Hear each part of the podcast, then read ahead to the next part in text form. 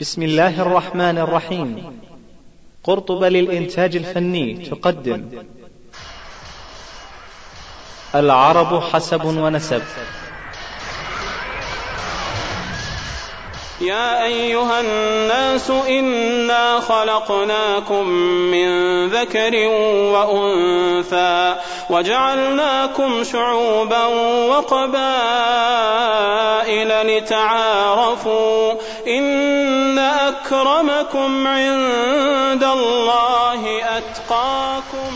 العرب حسب ونسب.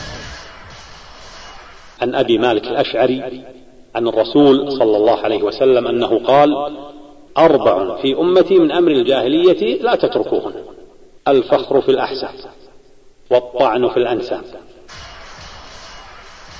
العرب حسب ونسب. الحسب والنسب أيها الأخوة من أهم عناصر ومقومات الحياة الاجتماعية والسياسية عند العرب السيادة والرئاسة.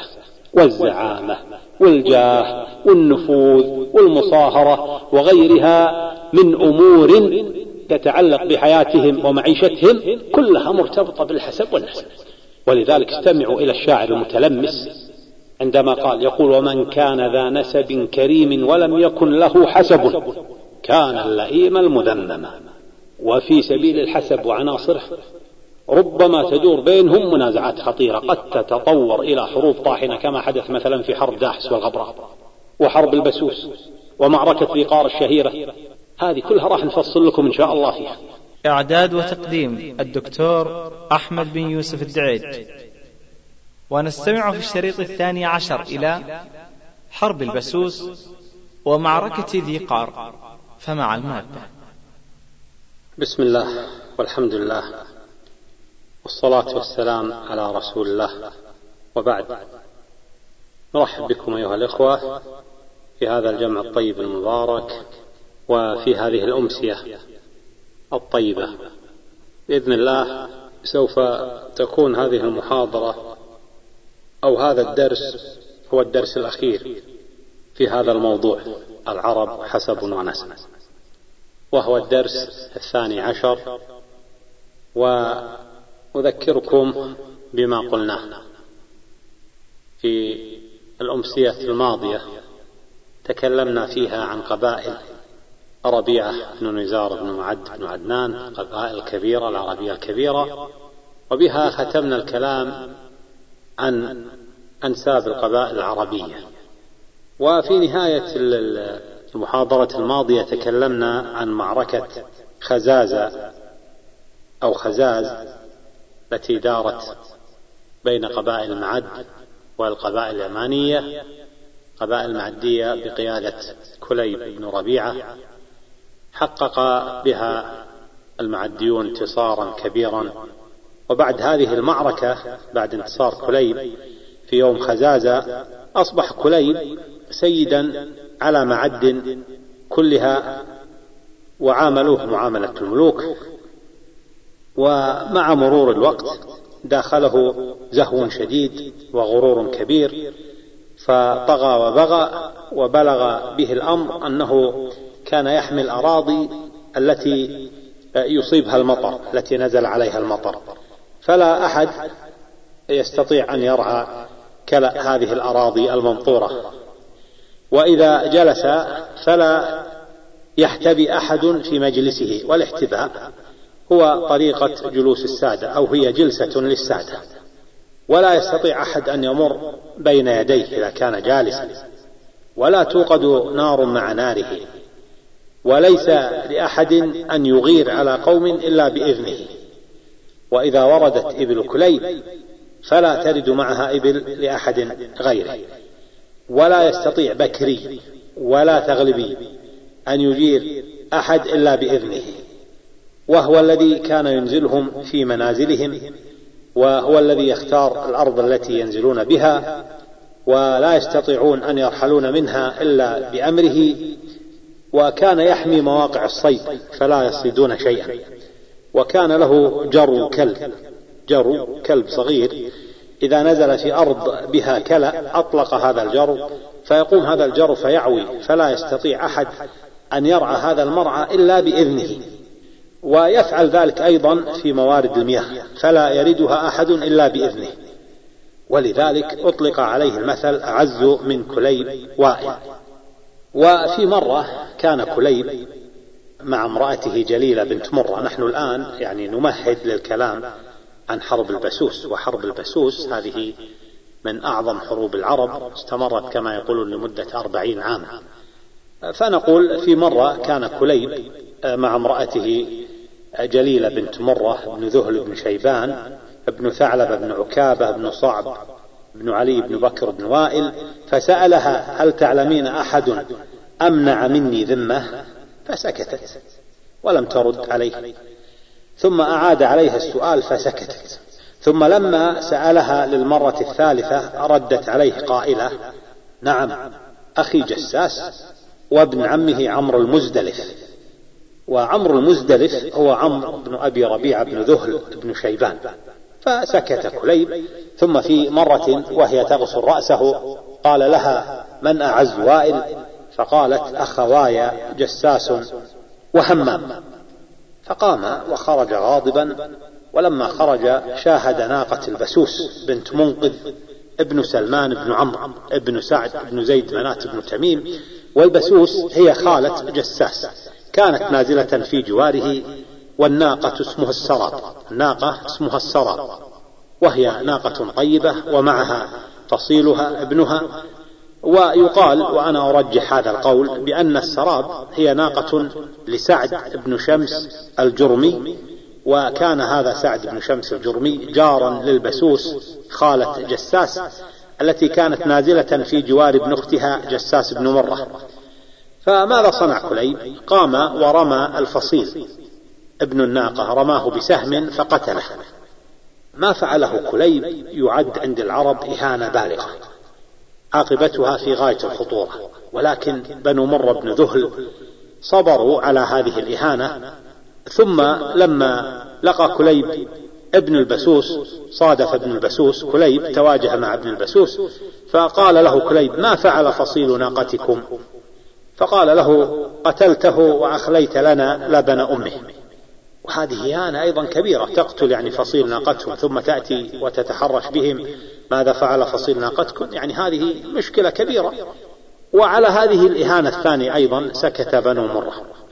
ثم في مناسبة أخرى أيضا أعاد كليب السؤال على امرأته جليلة بنت مرة من أعز وائل؟ فقالت أخواي. فسكت. أيضا هذه جليلة امرأة عربية من قبيلة عريقة والعرب لا يقبلون الإهانة أو يعني فما رضيت يعني يتحداها كليب ردت عليه لكن في ردها حماقة مع هذا المغرور.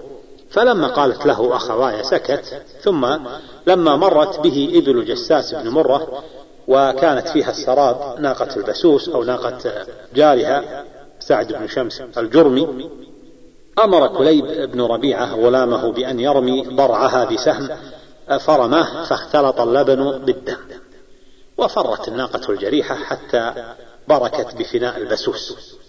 وأخبر الرعاة جساس بما حصل ولما رأت البسوس التميمية ما حل بناقتها صاحت وقالت واذ الله واذ الله. وحاول جساس أن يطيب خاطرها ويعوضها عن ناقتها بأحسن منها ولكنها أبت. ثم وفي الليل نظمت البسوس أبياتا تحريضية قالت فيها تكلم سعد بن شمس الجرمي قالت له أيا سعد لا تغرر بنفسك وارتحل فإني في قوم عن الجار أمواتي ودونك أذوادي إليك فإنني محاذرة أن يغدروا ببنياتي لعمرك لو أصبحت في دار منقذ لما ضيم سعد وهو جار لأبياته. طبعا منقذ هنا منقذ بن سلمان والدها وهو من بني سعد التميمي.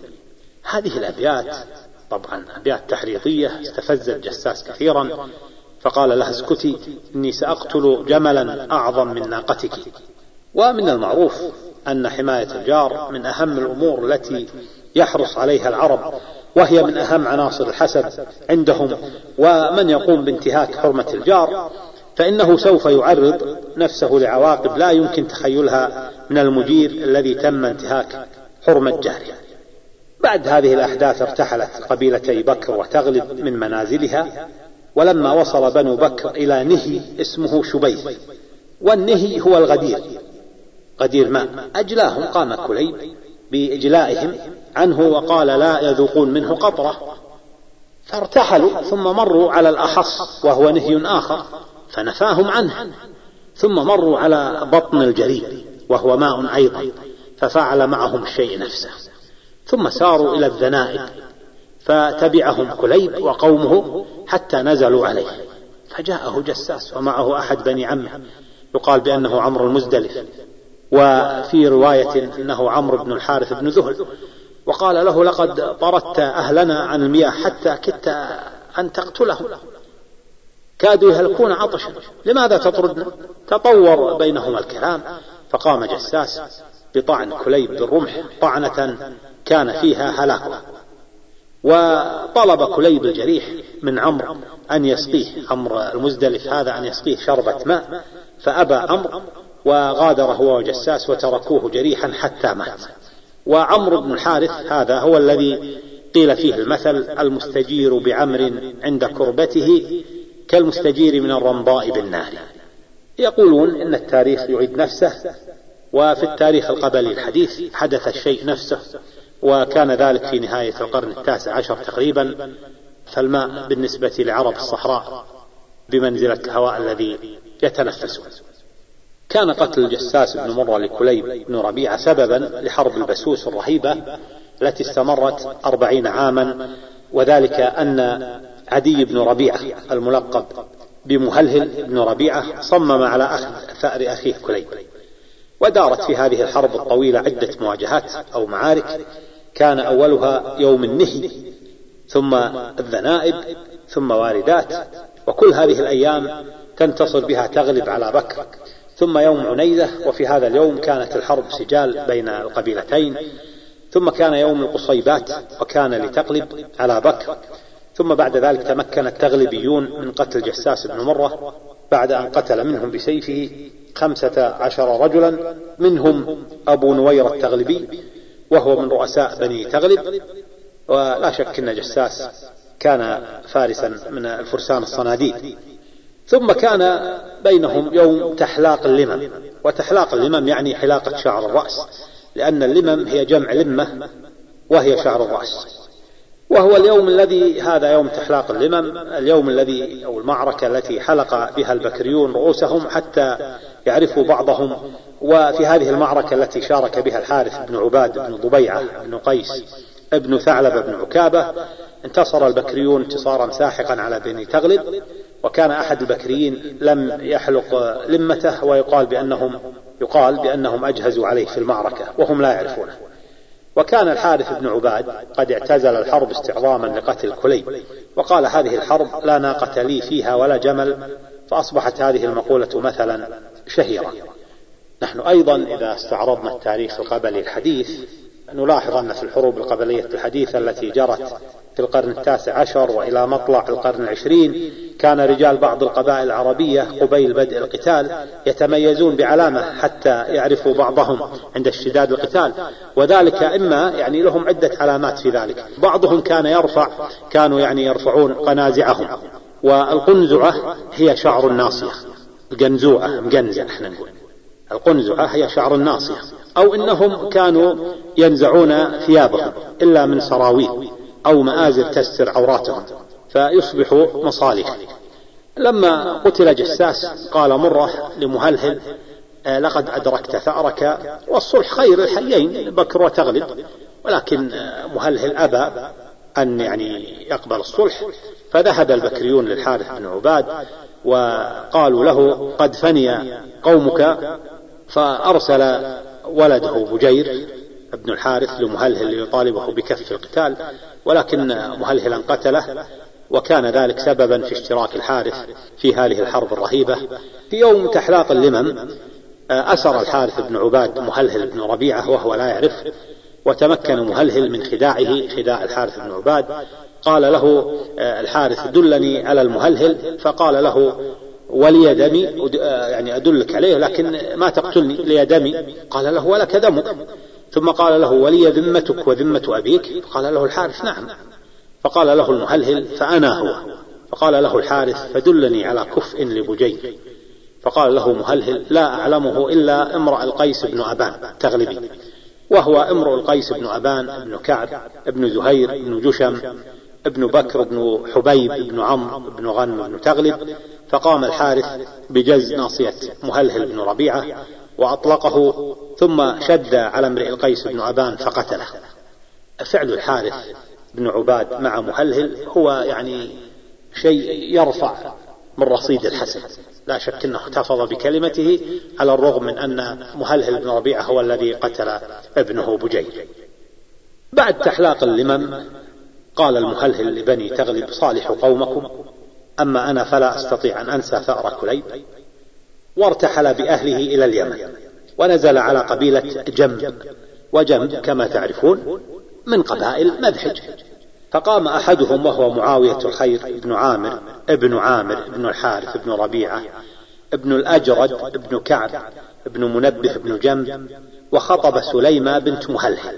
ولكن مهلهلا رفض مهلهلا رفض هذه من هذا حتى يخطب؟ لكنه ضعيف بعيد عن أهله وعن قومه فأجبروه على ذلك. تزوجوها عنوة وأعطوه مهرها. إيش كان مهرها؟ كان مهرها من الأدم. الأدم هو الجلد. هذه بنت الملوك. مهرها من الجلد وتؤخذ عنوة هكذا. فطبعا قال المهلهل قصيدته الشهيرة التي ترينا مدى ذل من يترك قومه ويلتجئ لغيرهم. فماذا قال؟ قال أنكحها فقدها الأراقم في جنب. وكان الحباء من أدم لو بأبانين جاء يخطبها ضرج ما أنف خاطب بدم. أصبحت لا منفسا أصبت ولا أبت كريما حرا من الندم. هان على تغلب بما لقيت أخت بني المالكين من جشم. ليسوا بأكفائنا الكرام ولا يغنون من عيلة ولا عدم. انظروا الآن أيها الأخوة لماذا نحن نقول هذه القصص؟ حتى تعرفوا حسب ونسب هؤلاء. هذه القصيدة وهذا الأمر لما وصلت أخباره إلى بكر وتغلب وهم لا يزالون في حرب طويلة فيما بينهم. مختلفين أو توهم يعني بالكاد قد خرجوا من هذه الحرب بينهم ثارات رهيبة عظيمة. ماذا صنعوا؟ لما سمعوا ما حدث من زواج سليمة بنت المهلهل ابن ربيعة وكان طبعا بين بكر وتغلب في السابق وبين قبائل مدحج خصومات قديمة أنفوا من ذلك وحشدوا جموعهم وتوجهوا إلى اليمن. صارت يعني جموع بكر وتغلب إلى اليمن واستنقذوا ابنتهم وأعادوها إلى أبيها المهلهل وأسروا زوجها. لا شك في أن مدحج قبيلة عظيمة وفي مدحج من يوازي بكر وتغلب في الحسب والنسب وهم بنو عبد المدان بن الديان. وهم أكبر البيوتات العربية بنو عبد المدان بن الديان.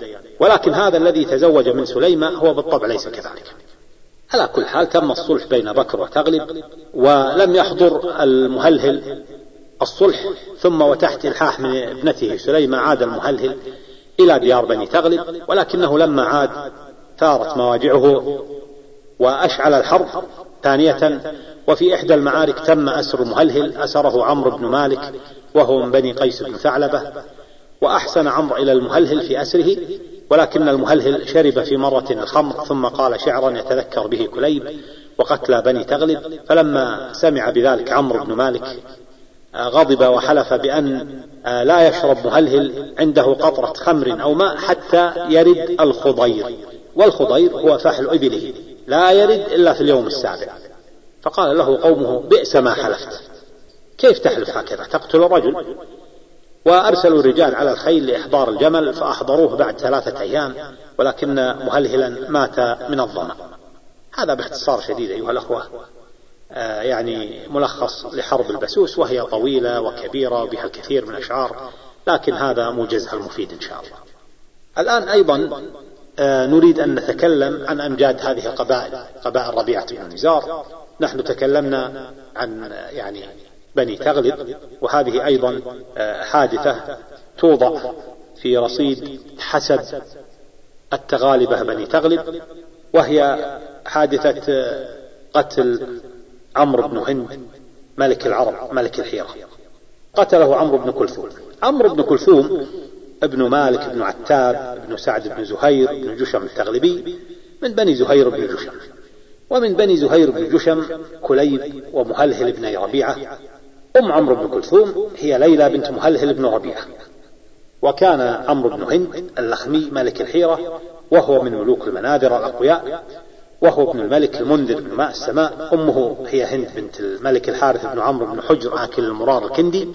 كان جالسا في مجلسه وفي يوم قال لجلسائه هل تعلمون أحدا من أهل المملكة يأنف أن تخدم أمه أمي قالوا له لا نعرف أحدا إلا عمرو بن كلثوم.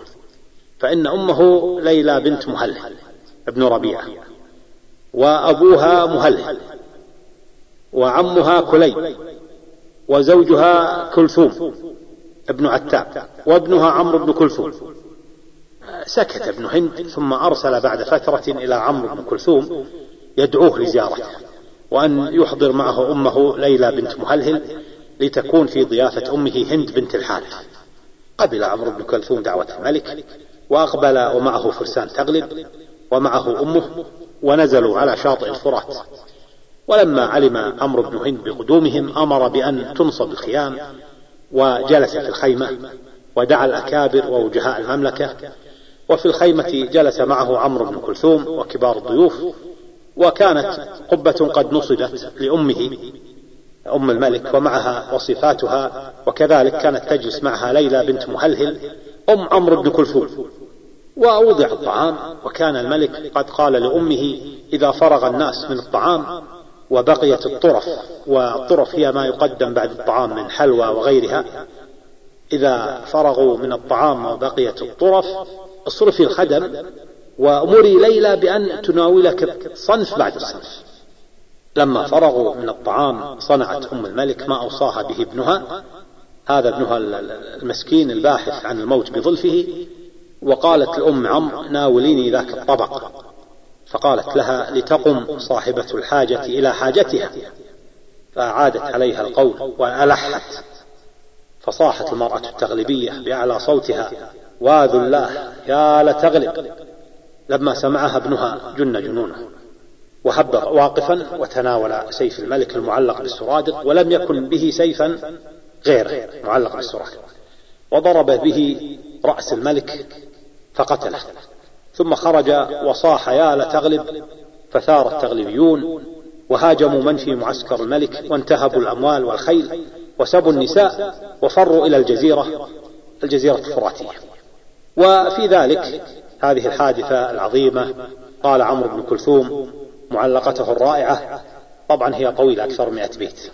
لكن نذكر منها بعض الأبيات آه، التي ابتدأها بقوله ألا هبي بصحنك فاصبحين ولا تبقي خمور الأندرين الأندرون هذه قرى بالشام ألا هبي بصحنك فاصبحين ولا تبقي خمور الأندرين هذه التي يقول فيها المعلقة يقول أبا هند فلا تعجل علينا وأنظرنا نخبرك اليقين بأننا نورد الرايات بيضا ونصدرهن حمرا قد روينا. وسيد معشر قد توجوه بتاج الملك يحمي المحجرين تركنا الخيل عاكفة عليه مقلدة أعنتها. صفونا بأي مشيئة؟ أمر بن هند. تطيع بنا الوشاة وتزدرينا تهددنا وتوعدنا رويدا. متى كنا لأمك مقتوينا؟ فإن قناتنا يا عمرو أعيت على الأعداء قبلك أن تلينا. إذا ما الملك سام الناس خسفا أبينا أن نقر الذل فينا. ملأنا البر حتى ضاق عنا وظهر البحر نملأه سفينا. إذا بلغ الفطام لنا صبي تخر له الجبابر ساجدين. هذه قصيدة عظيمة لا شك حتى يعني حسدهم الناس عليها وكان يتحدث بها التغلبيون. إلى هذه اللحظة يتكلمون بها. حسدهم أحد الشعراء فهجاهم فقال ألهى بنو تغلب عن كل مكرمة. قصيدة قالها عمرو بن كلثوم لا شك أنها قصيدة عظيمة. وفعل عظيم ما صنعه أحد قبلهم يعني ما رضوا بالذل ويعني هذه سجلت لهم منذ أكثر من 1500 سنة تقريبا. نعم الآن أيها الأخوة أيضا من الأمور المهمة الآن تكلمنا عن الكثير عن الحقيقة أمجاد بني تغلب. ونخشى أن يعني يزعل علينا الطرف الآخر من قبائل ربيعة بن نزار. فنريد أن نتكلم الحقيقة عن معركة من أعظم معارك العرب على الإطلاق. من أعظم معارك العرب في الجاهلية. ما حدث مثلها معركة. معركة بها المجد وبها العزة وبها الكرامة. أريد أن أحدثكم أيها الإخوة عن معركة ذي قار معركة ذي قار هذه قبل أن أحدثكم عنها لابد لنا من يعني مقدمة نمهد بها للكلام عن هذه المعركة العظيمة. كان رجل تميمي اسمه أيوب ابن محروف وهو من بني امرئ القيس بن زيد منات ابن تميم. هذا الرجل آه، قد ارتكب جناية في قومه جناية دم. ويعني يقولون قد أصاب دما في قومه بمعنى أنه قد قتل يعني رجل وهذا الأمر يستدعي طبعا قتله الأخذ الثأر منه. فبسبب هذه الجناية التي ربما يكون سببها نزاع أو ما شابه ذلك ونتج عنه قتل التميمي هرب والتجأ عند أوس بن قلام الحارثي في الحيرة. وهذا أوس بن قلام الحارثي يقال بأنه من بقايا العماليق الذين بادوا ومن بقي منهم دخل في القبائل قبائل العرب البائدة ذهب له في الحيرة وكان بينهما قرابة من جهة الأم وكان أوس بن قلام من المتنفذين في الحيرة. فأحسن إلى أيوب بن محروف أحسن إليه وأكرمه وبنى له بيتا وأعطاه مائتين من الإبل برعاتها وفرسا وقينة عبدا يعني وبقى أيوب بن محروف في بيت أوس ولما مات أوس انتقل أيوب للإقامة في بيته الذي بناه له أوس بن قلام كانت لأيوب علاقة طيبة بالمناذرة ملوك الحيرة ولما مات أيوب كانت لزيد ابنه نفس المنزلة عند الملوك وتزوج زيد بن أيوب من امرأة من آل قلام فولدت له ولدا سماه حماد. ثم وفي مرة خرج زيد بن أيوب للصيد مع أصحابه فتعرف عليه رجل صادفه رجل في الصحراء تعرف عليه هذا الرجل من بني امرئ القيس بن زيد منات مما يطلبون والده الثأر وزيد لا يعرفه طبعا فقام هذا المرأي وقتل زيد بن أيوب بن محروف حماد بن زيد نشأ في كنف أخواله من آل قلام ولما كبر صار من ضمن كتاب النعمان الأكبر بن القيس وتزوج حماد بن زيد فولد له زيد بن حماد بن زيد بن أيوب بن محروف. اهتم حماد بن زيد بتربية وتنشئة ابنه زيد علمه فنون الكتابة. ثم لما حضرت حماد بن زيد الوفاة عهد بابنه إلى صديق له من الفرس من الدهاقين. والدهقان أيها الأخوة بلغة الفرس هو التاجر. قام الدهقان الفارسي بضم زيد بن حماد إلى أولاده. واهتم به اهتماما كبيرا وعلمه الفارسية اللغة الفارسية وعن طريق الدهقان تمكن زيد بن حماد بن زيد من أن يكون من ضمن الكتاب في بلاد الإمبراطور الفارسي الكبير فكبرت بذلك منزلته بين عرب الحيرة. لما هلك النعمان بن امرئ القيس انتظر أهل الحيرة أمر كسرى في من يوليه من المناذرة ملك الحيرة. ملك الحيرة لا يتولى الملك في الحيرة من المناذرة إلا بأمر من كسرى. لأنهم يخضعون مناذرة يخضعون لسلطة الملك الفارس الكبير. وفي تلك الفترة أشار الدهقان على كسرى بأن يكلف زيد بن حماد بضبط الأمور في الحيرة إلى أن يرى الملك رأيه في من يولي من المناذرة. وفي هذه المهمة قام بها زيد خير قيام حتى تم تنصيب المنذر ابن ماء السماء اللخمي. تم تنصيبه من قبل كسرى ملكا على الحيرة. نعم. تزوج زيد من امرأة عدوية. فولدت له ولده عدي بن زيد ابن حماد بن زيد بن أيوب بن محروف التميمي. ولما كبر عدي بن زيد تعلم العربية ثم تعلم الفارسية وتعلم فنون الكتابة بلغتين العربية والفارسية وتعلم آداب الفرس وعاداتهم. هذا طبعا إلى جانب إتقانه لعادات قومه العرب وتمكن بذلك من أن يكون كاتبا في ديوان الملك الفارسي. فزادت بذلك مكانته عند أهل الحيرة وكان للمنذر ابن ماء السماء اثنا عشر ولدا يسمونهم بالأشاهب وذلك لبياض بشرتهم ولحسن منظرهم. ولكن ولده النعمان من بينهم كان أبرش الجلد أحمر اللون قصير القامة. وكان النعمان في رعاية آل عدي بن زيد بن حماد أما ولده الأسود بن المنذر فكان في رعاية بني مرينا وهم من قبائل العباد اللخميين بنو مرينا هؤلاء. لما أحس المنذر بدنو الأجل أوصى إياس بن قبيص الطائي بأولاده وولاه أمر الحيرة إلى أن يأتي أمر كسرى بتنصيب ملكا على الحيرة من آل المنذر. أمور طويلة وأحداث طويلة لا نستطيع أن نخوض بها لكن نقول إنه وبسبب تدبير عدي بن زيد وحسن رأيه وقربه من كسرى تمكن عدي من إقناع كسرى بن هرمز بتنصيب النعمان بن المنذر ملكا على الحيرة. وبسبب ذلك حقد عدي بن مرينة على عدي بن زيد وأقسم أمامه أن ينتقم منه. وأخذ ابن مرينة يدبر المكائد لعدي بن زيد ويغر صدر النعمان بن المنذر عليه حتى تم له ما أراد من مكر وتدبير فأمر النعمان باستدعاء عدي بن زيد بقصد زيارته فلما وفد عليه أمر بالقبض عليه وحبسه في سجن وعزله عن الناس. وفي غياهب السجن ووحشته نظم عدي بن زيد قصائد وجهها النعمان بن منذر. ومن ضمن ما قال هذه القصيدة المعبرة قال سعى الأعداء لا يألون شرا علي ورب مكة والصليب. ألا من مبلغ النعمان عني وقد تهدى النصيحة بالمغيب. أحظي كان سلسلة وقيدا وغلا والبيان لدى الطبيب أتاك بأنني قد طال حبسي ولم تسأم بمسجون حريب وبيتي مقفر إلا نساء أرامل قد هلكن من النحيب فهل لك أن تدارك ما لدينا؟ ولا تغلب على الرأي المصيب فإني قد وكلت اليوم أمري إلى رب قريب مستجيب. طبعا في الحيرة كانوا هم نصارى. هذا قبل الإسلام فلذلك عندهم هذه المعاني يعني الإيمانية. أبي بن زيد أخو عدي كان يعمل في بلاط الملك الفارسي ولذلك سعى لدى الملك لكي يخرج أخاه من السجن وأخبر الملك بما جرى له فبعث كسرى رسولا إلى النعمان بن المنذر يأمره بأن يطلق عدي بن زيد من سجنه ولما عرف النعمان بذلك أمر بقتل عدي في سجنه في الحال. بعد ذلك ندم النعمان على قتل عدي ندما شديدا وعرف أنهم خدعوه وضعف أمر النعمان في الحيرة بعد أن قتل عدي.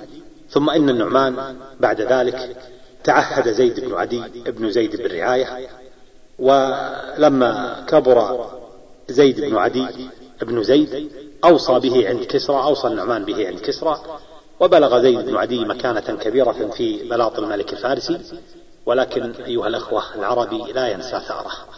العربي لا ينسى ثأره. وكان الملوك في السابق تهدى لهم النساء.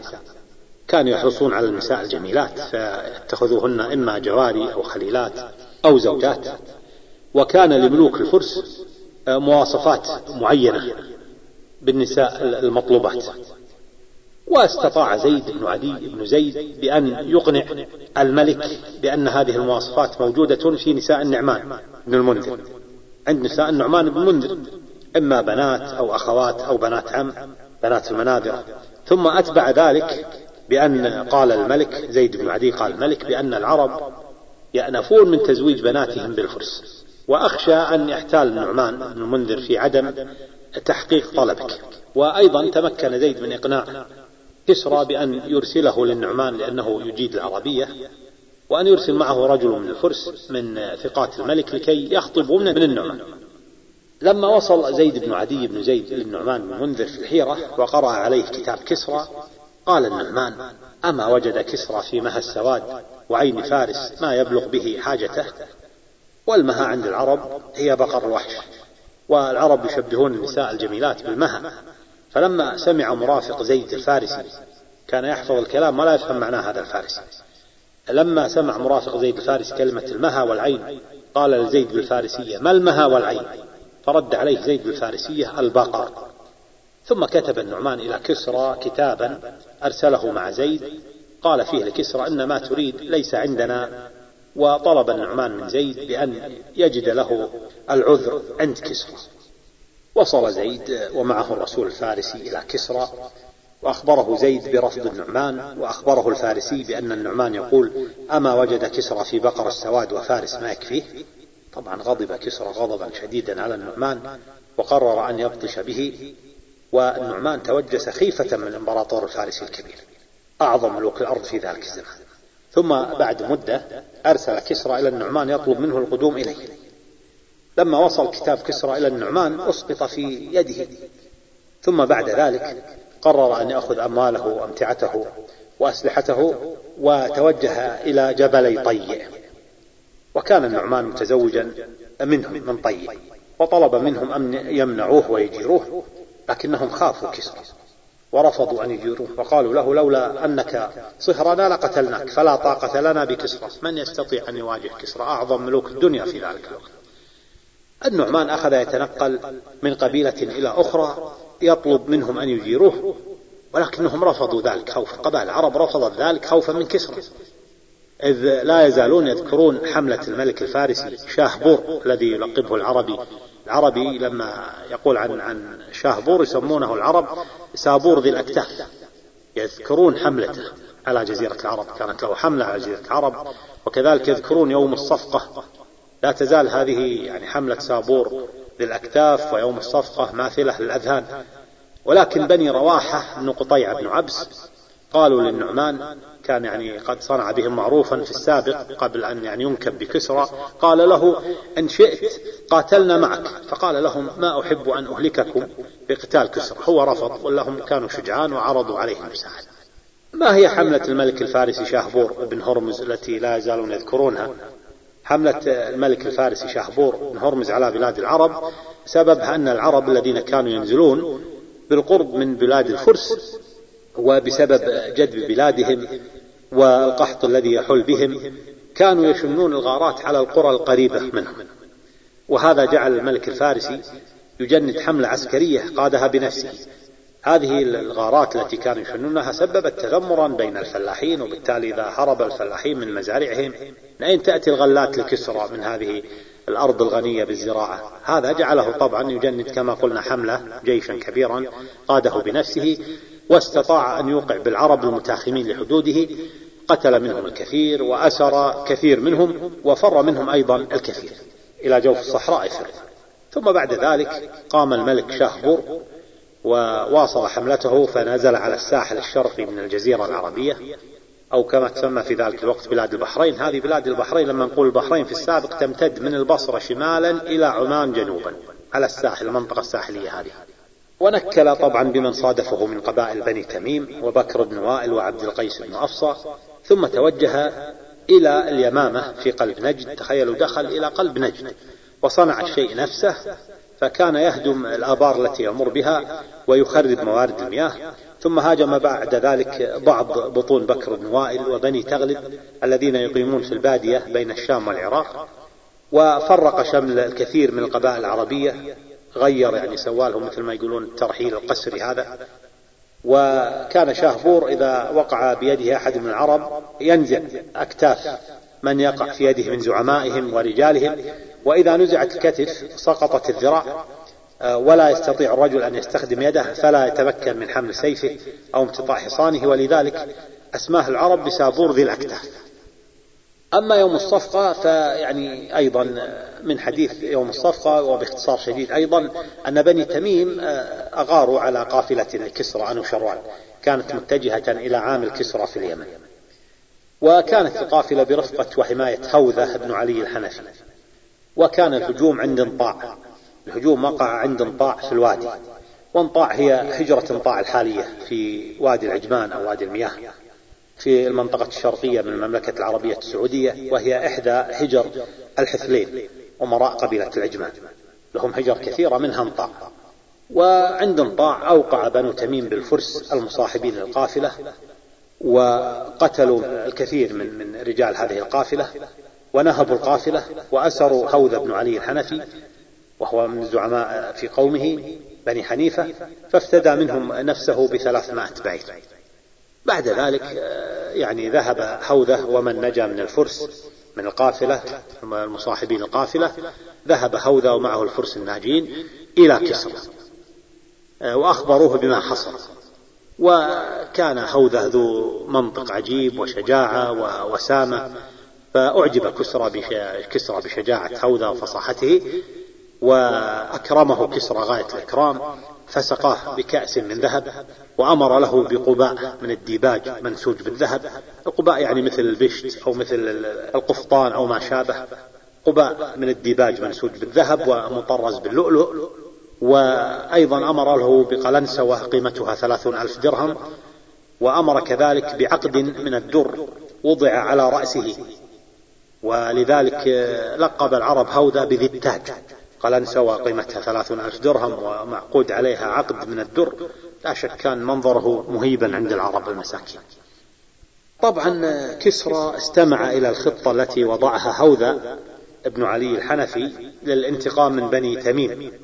وكان هوذا قد طلب من كسرى أن يمنع الميرة لمدة عام عن العرب الذين يقيمون في تلك النواحي.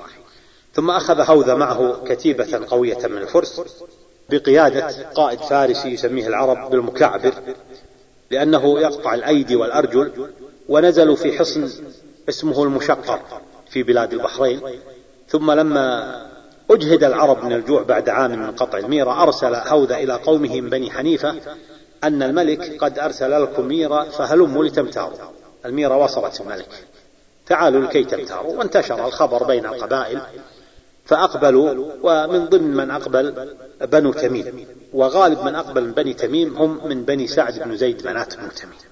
على الحصن كان هناك حراس كانوا يدخلون الناس رجلا رجلا بعد أن يجردوا الرجل من سلاحه وكان هوذة إذا كانت له معرفة أو صداقة كانت له معرفة أو صداقة مع الرجل التميمي قال للمكعبر إنه من قومي فلا طبعا يقتل ما يتعرضون له وإلا فالقتل بضرب العنق. ثم بعد ذلك أدرك التميميون الذين في الخارج أن الأمر مريب. من يدخل لا يخرج ولكن متى أدركوا ذلك؟ بعد أن قتل وأسر منهم الكثير من رجاله. العرب يسمون هذا اليوم بيوم الصفقة لأن الفرس صفقوا باب الحصن على من يدخل أي أغلقوه. نحن نقول صفق الباب يعني صك الباب بقوة. النعمان ابن المنذر واصل تنقله من قبيلة إلى أخرى ولم يحصل على مبتغاه. ما أحد كان يستطيع أن يجيره إلى أن وصل إلى ماء ذي قار. وماء ذي قار هو ماء لبني شيبان. ونزل على هانئ بن مسعود ابن عامر ابن عمرو ابن أبي ربيعة بن ذهل بن شيبان. وفي قول إنه نزل على حفيد هانئ بن مسعود واسمه هانئ أيضا ولكنه هانئ ابن قبيصة بن هانئ بن مسعود. يقولون إن هانئ بن مسعود لم يدرك هذا اليوم. لكن أنا أعتقد وأرجح القول الذي يقول بأن زعيمهم في ذلك الوقت هو هانئ بن مسعود بن عامر بن عمرو بن أبي ربيعة بن ذهل ابن شيبة. استجار النعمان بهانئ بن مسعود فأجاره. هذا الشيخ العربي الشهم وقال له قولته المشهورة سوف أمنعك مما امنع نفسي وأهلي وولدي منه ولكن إجارتي لك لن تنفعك لأنه سيكون فيها هلاكي وهلاكك ولكن عندي لك رأي لا أقوله لك حتى أصرفك عن جواري ولكنه الرأي الصواب الذي يليق بك كملك. ماذا قال هانئ بن مسعود للنعمان؟ ماذا كان رأي هانئ؟ قال له إن كل أمر يجمل بالرجل أن يكون عليه إلا أن يكون بعد الملك سوقه. ما يمكن أن تكون سوق من السوق من العامة والموت نازل بكل أحد. ولئن تموت كريما خير لك من أن تتجرع الذل أو تبقى سوقه بعد الملك. هذا إن بقيت.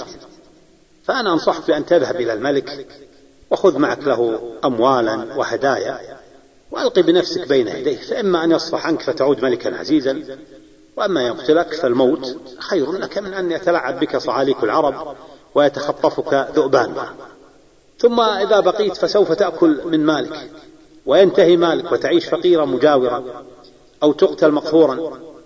نعم نحن قلنا تعرفون كيف يعيش فقيرا مجاورا أو يقتل مقهورا. تذكرون دوارج المترحلة والروادف المستلحقة والأكناف الملصقة التي قالها هشام في إسماعيل المخزومي لعمر بن عبد العزيز.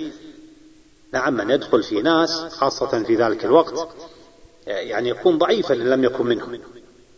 ويعني قال له هذا الرأي فقال له النعمان ابن المنذر سوف آخذ برأيك ونصيحتك.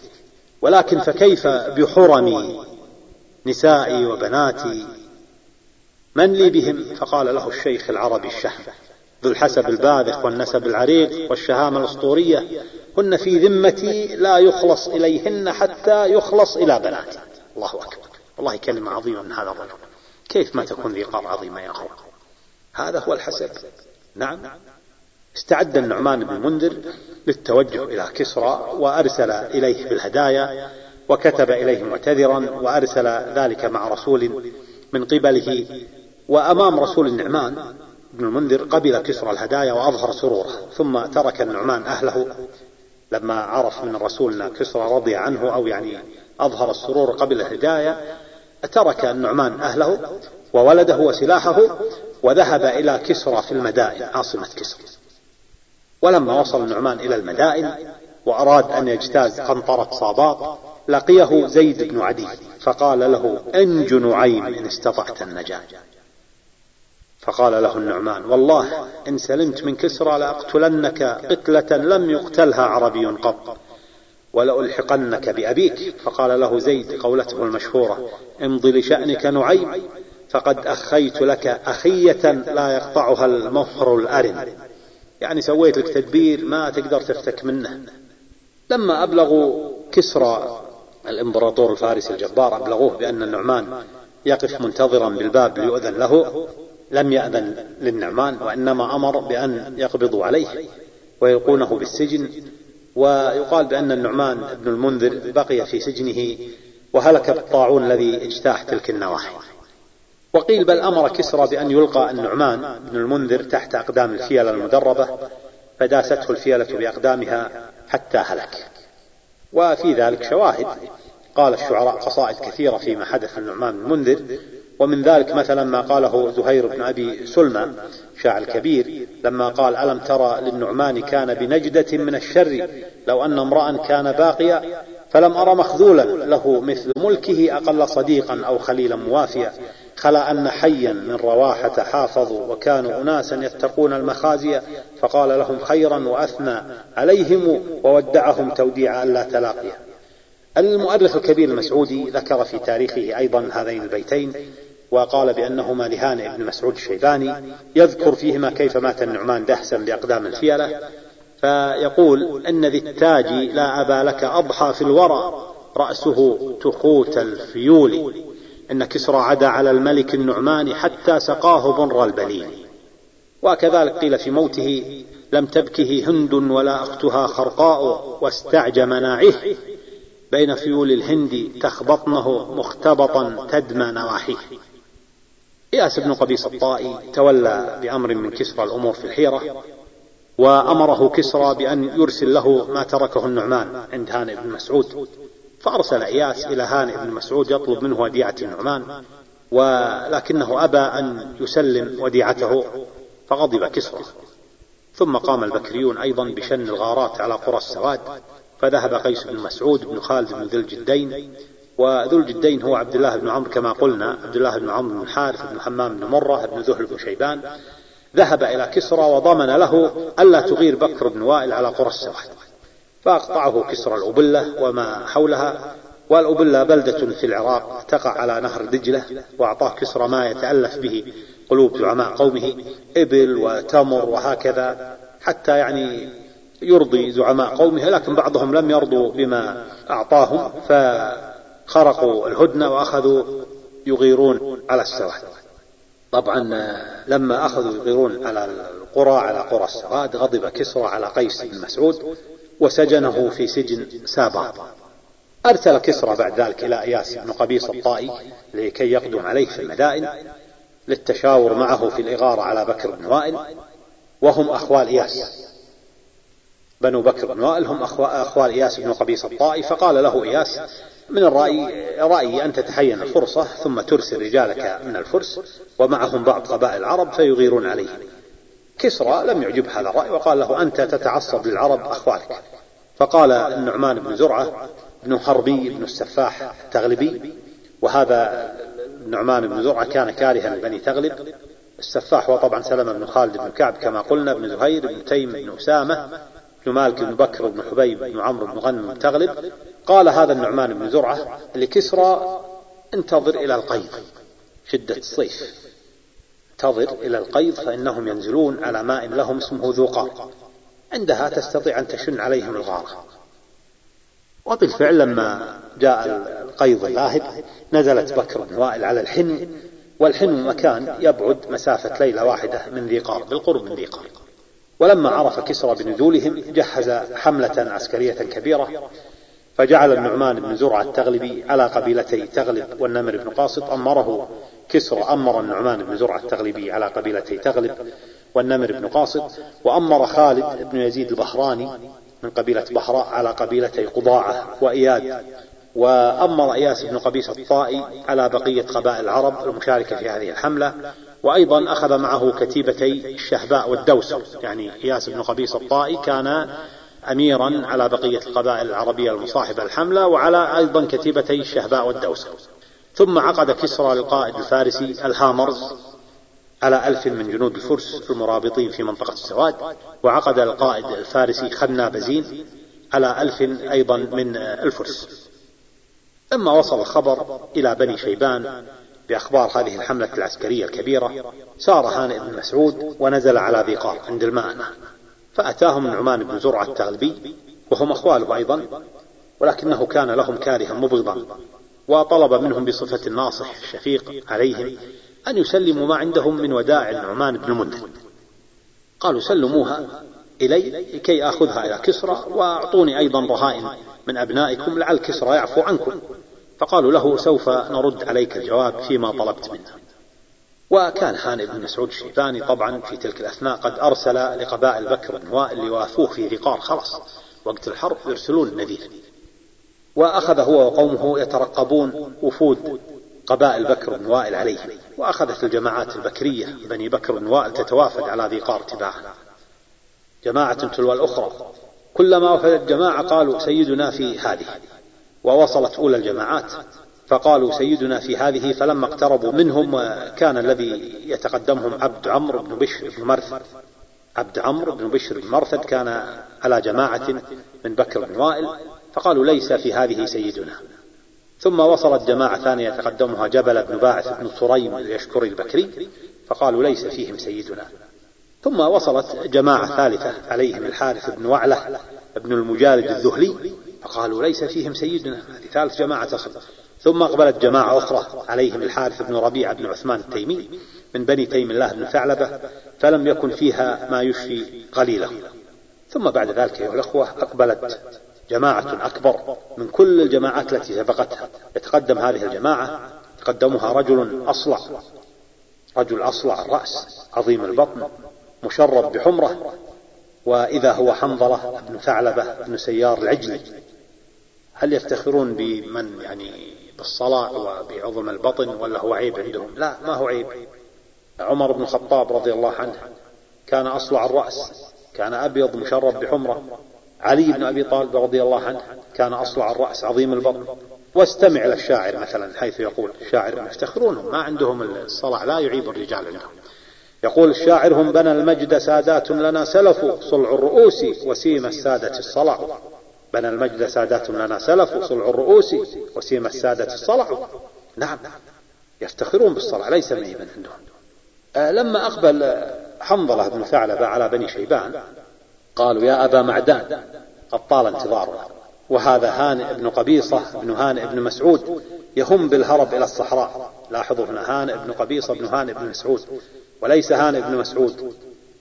هذا الثاني يهم بالهرب إلى الصحراء. يقول لا طاقة لكم بجموع الملك. من يستطيع أن يقاتل كسرى هذا الثاني هانئ بن قبيصة بن هانئ بن مسعود. على وشك أن يسر إلى الصحراء يقول لا طاقة لكم بجموع الملك. فلما سألهم حنظلة الآن حنظلة بن ثعلبة هذا يريد أن يتأكد من رأي الذين سيقاتل معهم نزل عليه. فلما سألهم عن رأيهم وجدهم في غاية التردد ولا يريدون القتال. فلما سمع رأيهم قال هذا السيد العربي الكبير ماذا قال؟ قال قبح الله هذا رأيا. لا تجر أحرار فارس أرجلها ببطحاء ذي قار وأنا أسمع هذا الصوت. الله أكبر. ثم أمر حنظلة بن ثعلب بقبته خيمته أمر بخيمته فنصبت له بوادي ذي قار. ثم نزل لما نزل نزل القوم حوله صكوا عليه. سيد شيخ. وقال لا أرى غير القتال فإن إن ركبنا الصحراء متنا عطشا وإن استسلمنا لهم يقتلون رجالنا ويسبون نساءنا. ثم طلب من هانئ بن مسعود أن يوزع على الرجال أسلحة النعمان بن المنذر التي في عهدته وقال له إن انتصرنا نردها إليك ثم التفت إلى النعمان بن زرعة التغلبي وقال له لولا أنك رسول لما رجعت إلى قومك سالما فعاد النعمان بن زرعة واستعد الطرفان للمعركة الكبيرة المشهودة.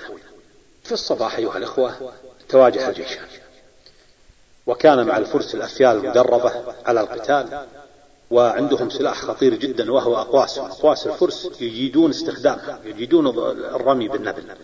يحصدون من يعني يقف في مقابلتهم يحصدونهم حصد بالسهام. حنظلة يعرف هذا التكتيك وهذه ميزة. قبائل بكر بن وائل قريبة من الفرس فتعرف كيف تقاتل الفرس.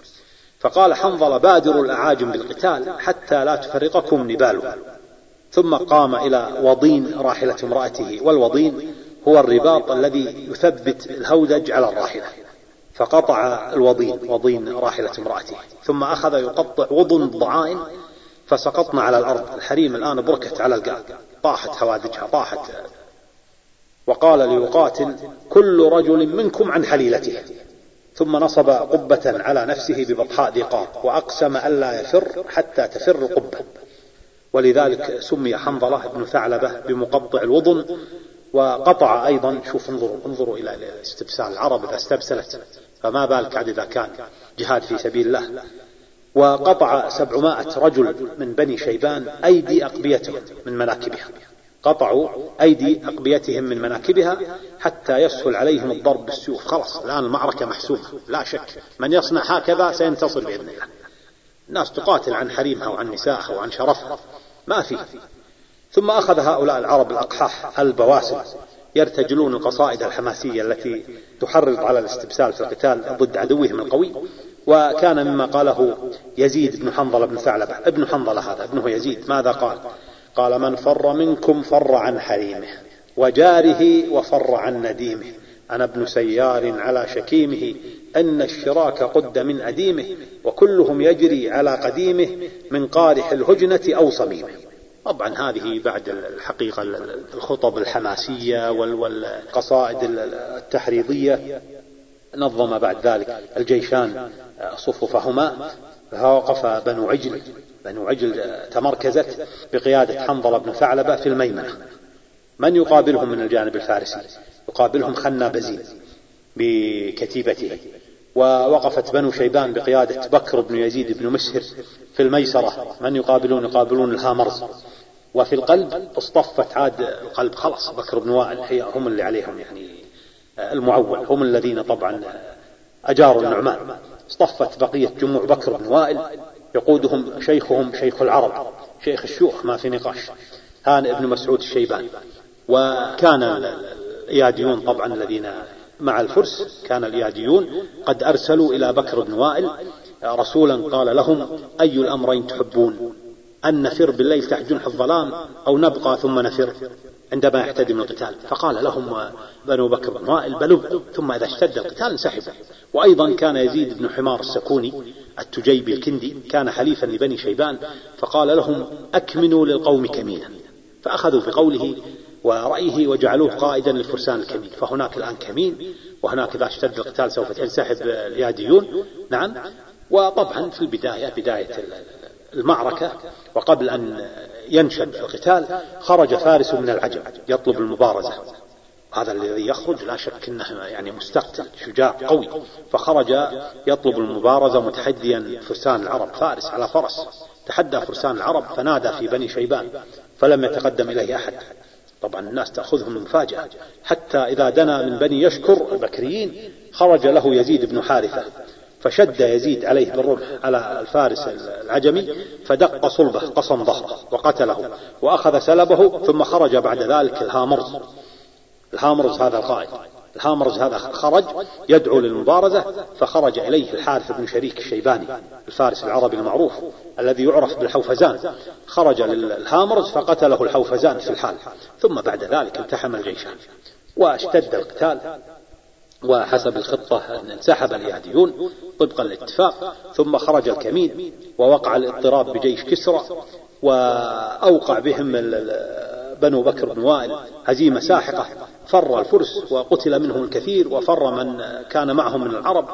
وطاردت جموع بكر بن وائل الفرس تقتلهم حتى أدخلوهم أوصلوهم إلى السواد. وقتلوهم قتلا ذريعا. هذا أيها الأخوة باختصار شديد ربما والله شديد جدا. لكن إن شاء الله أنه اختصار يعني غير بخيل العرب قالت قصائد كثيرة في ذي قار ومن أفضل ما قيل قصيدة الأعشى. الأعشى هو كما تعرفون ميمون بن قيس بن شراحيل من بني قيس بن ثعلبة بن عكابة يقول الأعشى القصيدة طبعا طويلة ولكن نذكر بعض أبياتها. ماذا يقول؟ وجند كسرى غداة الحنو صبحهم منا غطاريف ترجو الموت وانصرفوا لقوا ململمة شهباء يقدمها للموت لا عاجز فيها ولا خرف فيها الفوارس محمود لقاؤهم. فيها فوارس محمود لقاؤهم مثل الأسنة لا ميل ولا كشف. لما رأونا كشفنا عن جماجمنا ليعلموا أننا بكر فينصرفوا قالوا البقية والهندي يحصدهم ولا بقية إلا السيف فانكشفوا.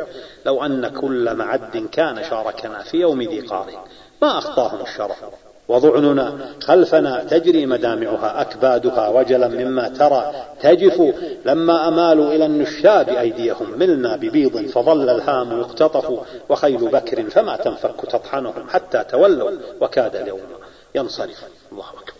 هذه أيها الأخوة الحقيقة معركة ثيقار الشهيرة ربما لما تكلمت في البداية عن أمجاد بني تميم وعز قبيلة بني تميم قبيلة عظيمة عريقة كبيرة آه يعني حتى أنا أذكر بعضكم الحقيقة قال وين وديت بكر بن وائل وتغلب بن وائل؟ وين وديت قبائل ربيعة قلت لهم انتظروا نحن يعني نتكلم والعرب كلها لها أمجاد قبائل العربية كلها لها أمجاد أيها الأخوة. ولو أردنا أن نتكلم عن أمجاد العرب في الجاهلية وفي الإسلام طبعا عزهم الله بالإسلام أمجادهم عظيمة. ولكن هذه ذي قار عاد هي مثل ما يقولون واسطة العقد وهي الدرة اللي على جبين العرب. ما في شك في ذلك أيها الأخوة. يعني قاتلوا كسرى أعظم ملوك الدنيا في ذلك الوقت. الآن أيها الأخوة قبل أن أختم الحقيقة الكلام في هذه السلسلة التي وفقنا الله سبحانه وتعالى بقولها والله يا أخوة في غاية الصعوبة هذه إعدادي لهذا الموضوع يعني أمر رهيب جدا وكبير ومتعب لكنه ممتع. ولولا عون الله سبحانه وتعالى ما استطعت والله كنت يعني من أكثر من يعني ثلاثة عشر عام وأنا أنوي أن أن يعني أعطيكم هذه المحاضرات. لكن ما أستطيع. يعني صعبة ومتعبة ومتشابكة ومملة الأنساب. كيف تربطها الآن بالأدب بالتاريخ بالأنساب؟ هذا كله من توفيق الله سبحانه وتعالى.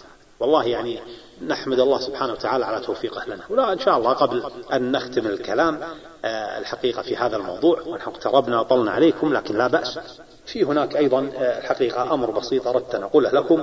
يتعلق بالحقيقة مكانة ومنزلة قبائل العرب. وهذه حادثة حدثت في مجلس الصحابي الجليل معاوية بن أبي سفيان رضي الله عنه. يقولون دخل وفد العراق على معاوية بن أبي سفيان رضي الله عنه. وكان معهم دغفل بن حنظلة بن يزيد البكري. دغفل هذا النساب الذي تكلمنا عنه المعروف. فقال له معاوية أخبرني عن ابني نزار ربيعة ومضر.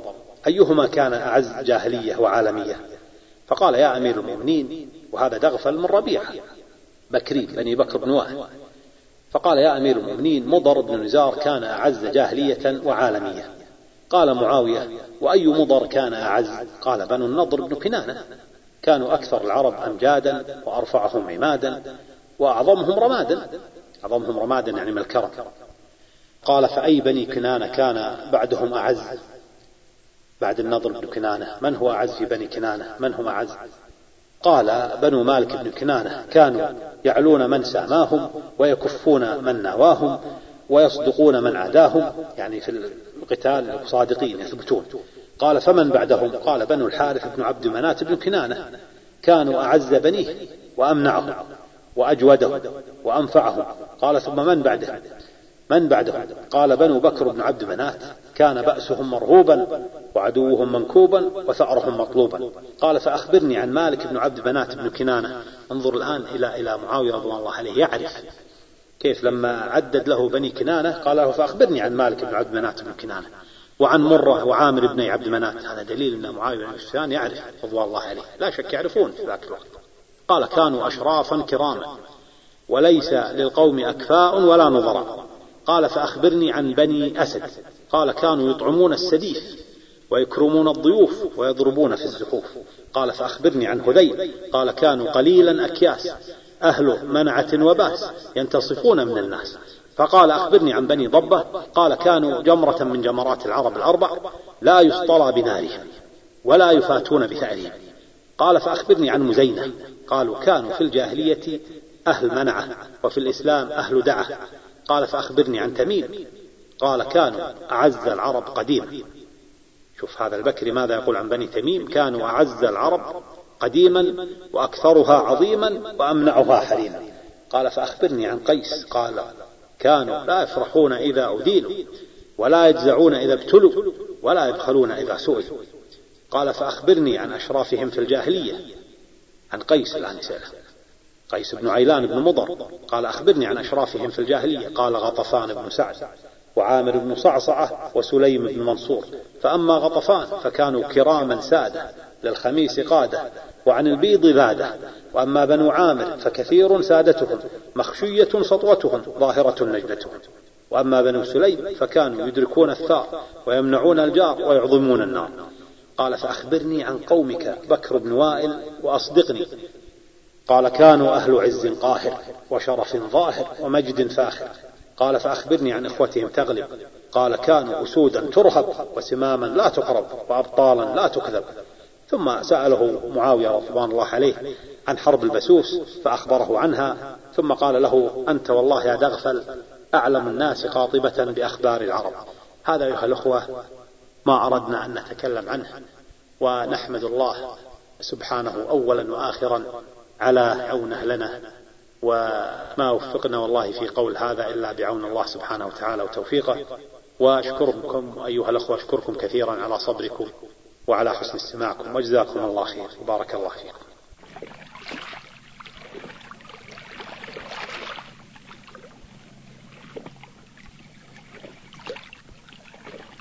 وفي الختام نسأل الله تعالى أن ينفعنا بما سمعنا. إنه سميع مجيب الدعاء. مع تحيات قرطبة للإنتاج الفني. هاتف أربعة سبعة تسعة واحد ثلاثة اثنان ثلاثة. فاكس. أربعة سبعة ثلاثة صفر صفر خمسة خمسة والسلام عليكم ورحمة الله وبركاته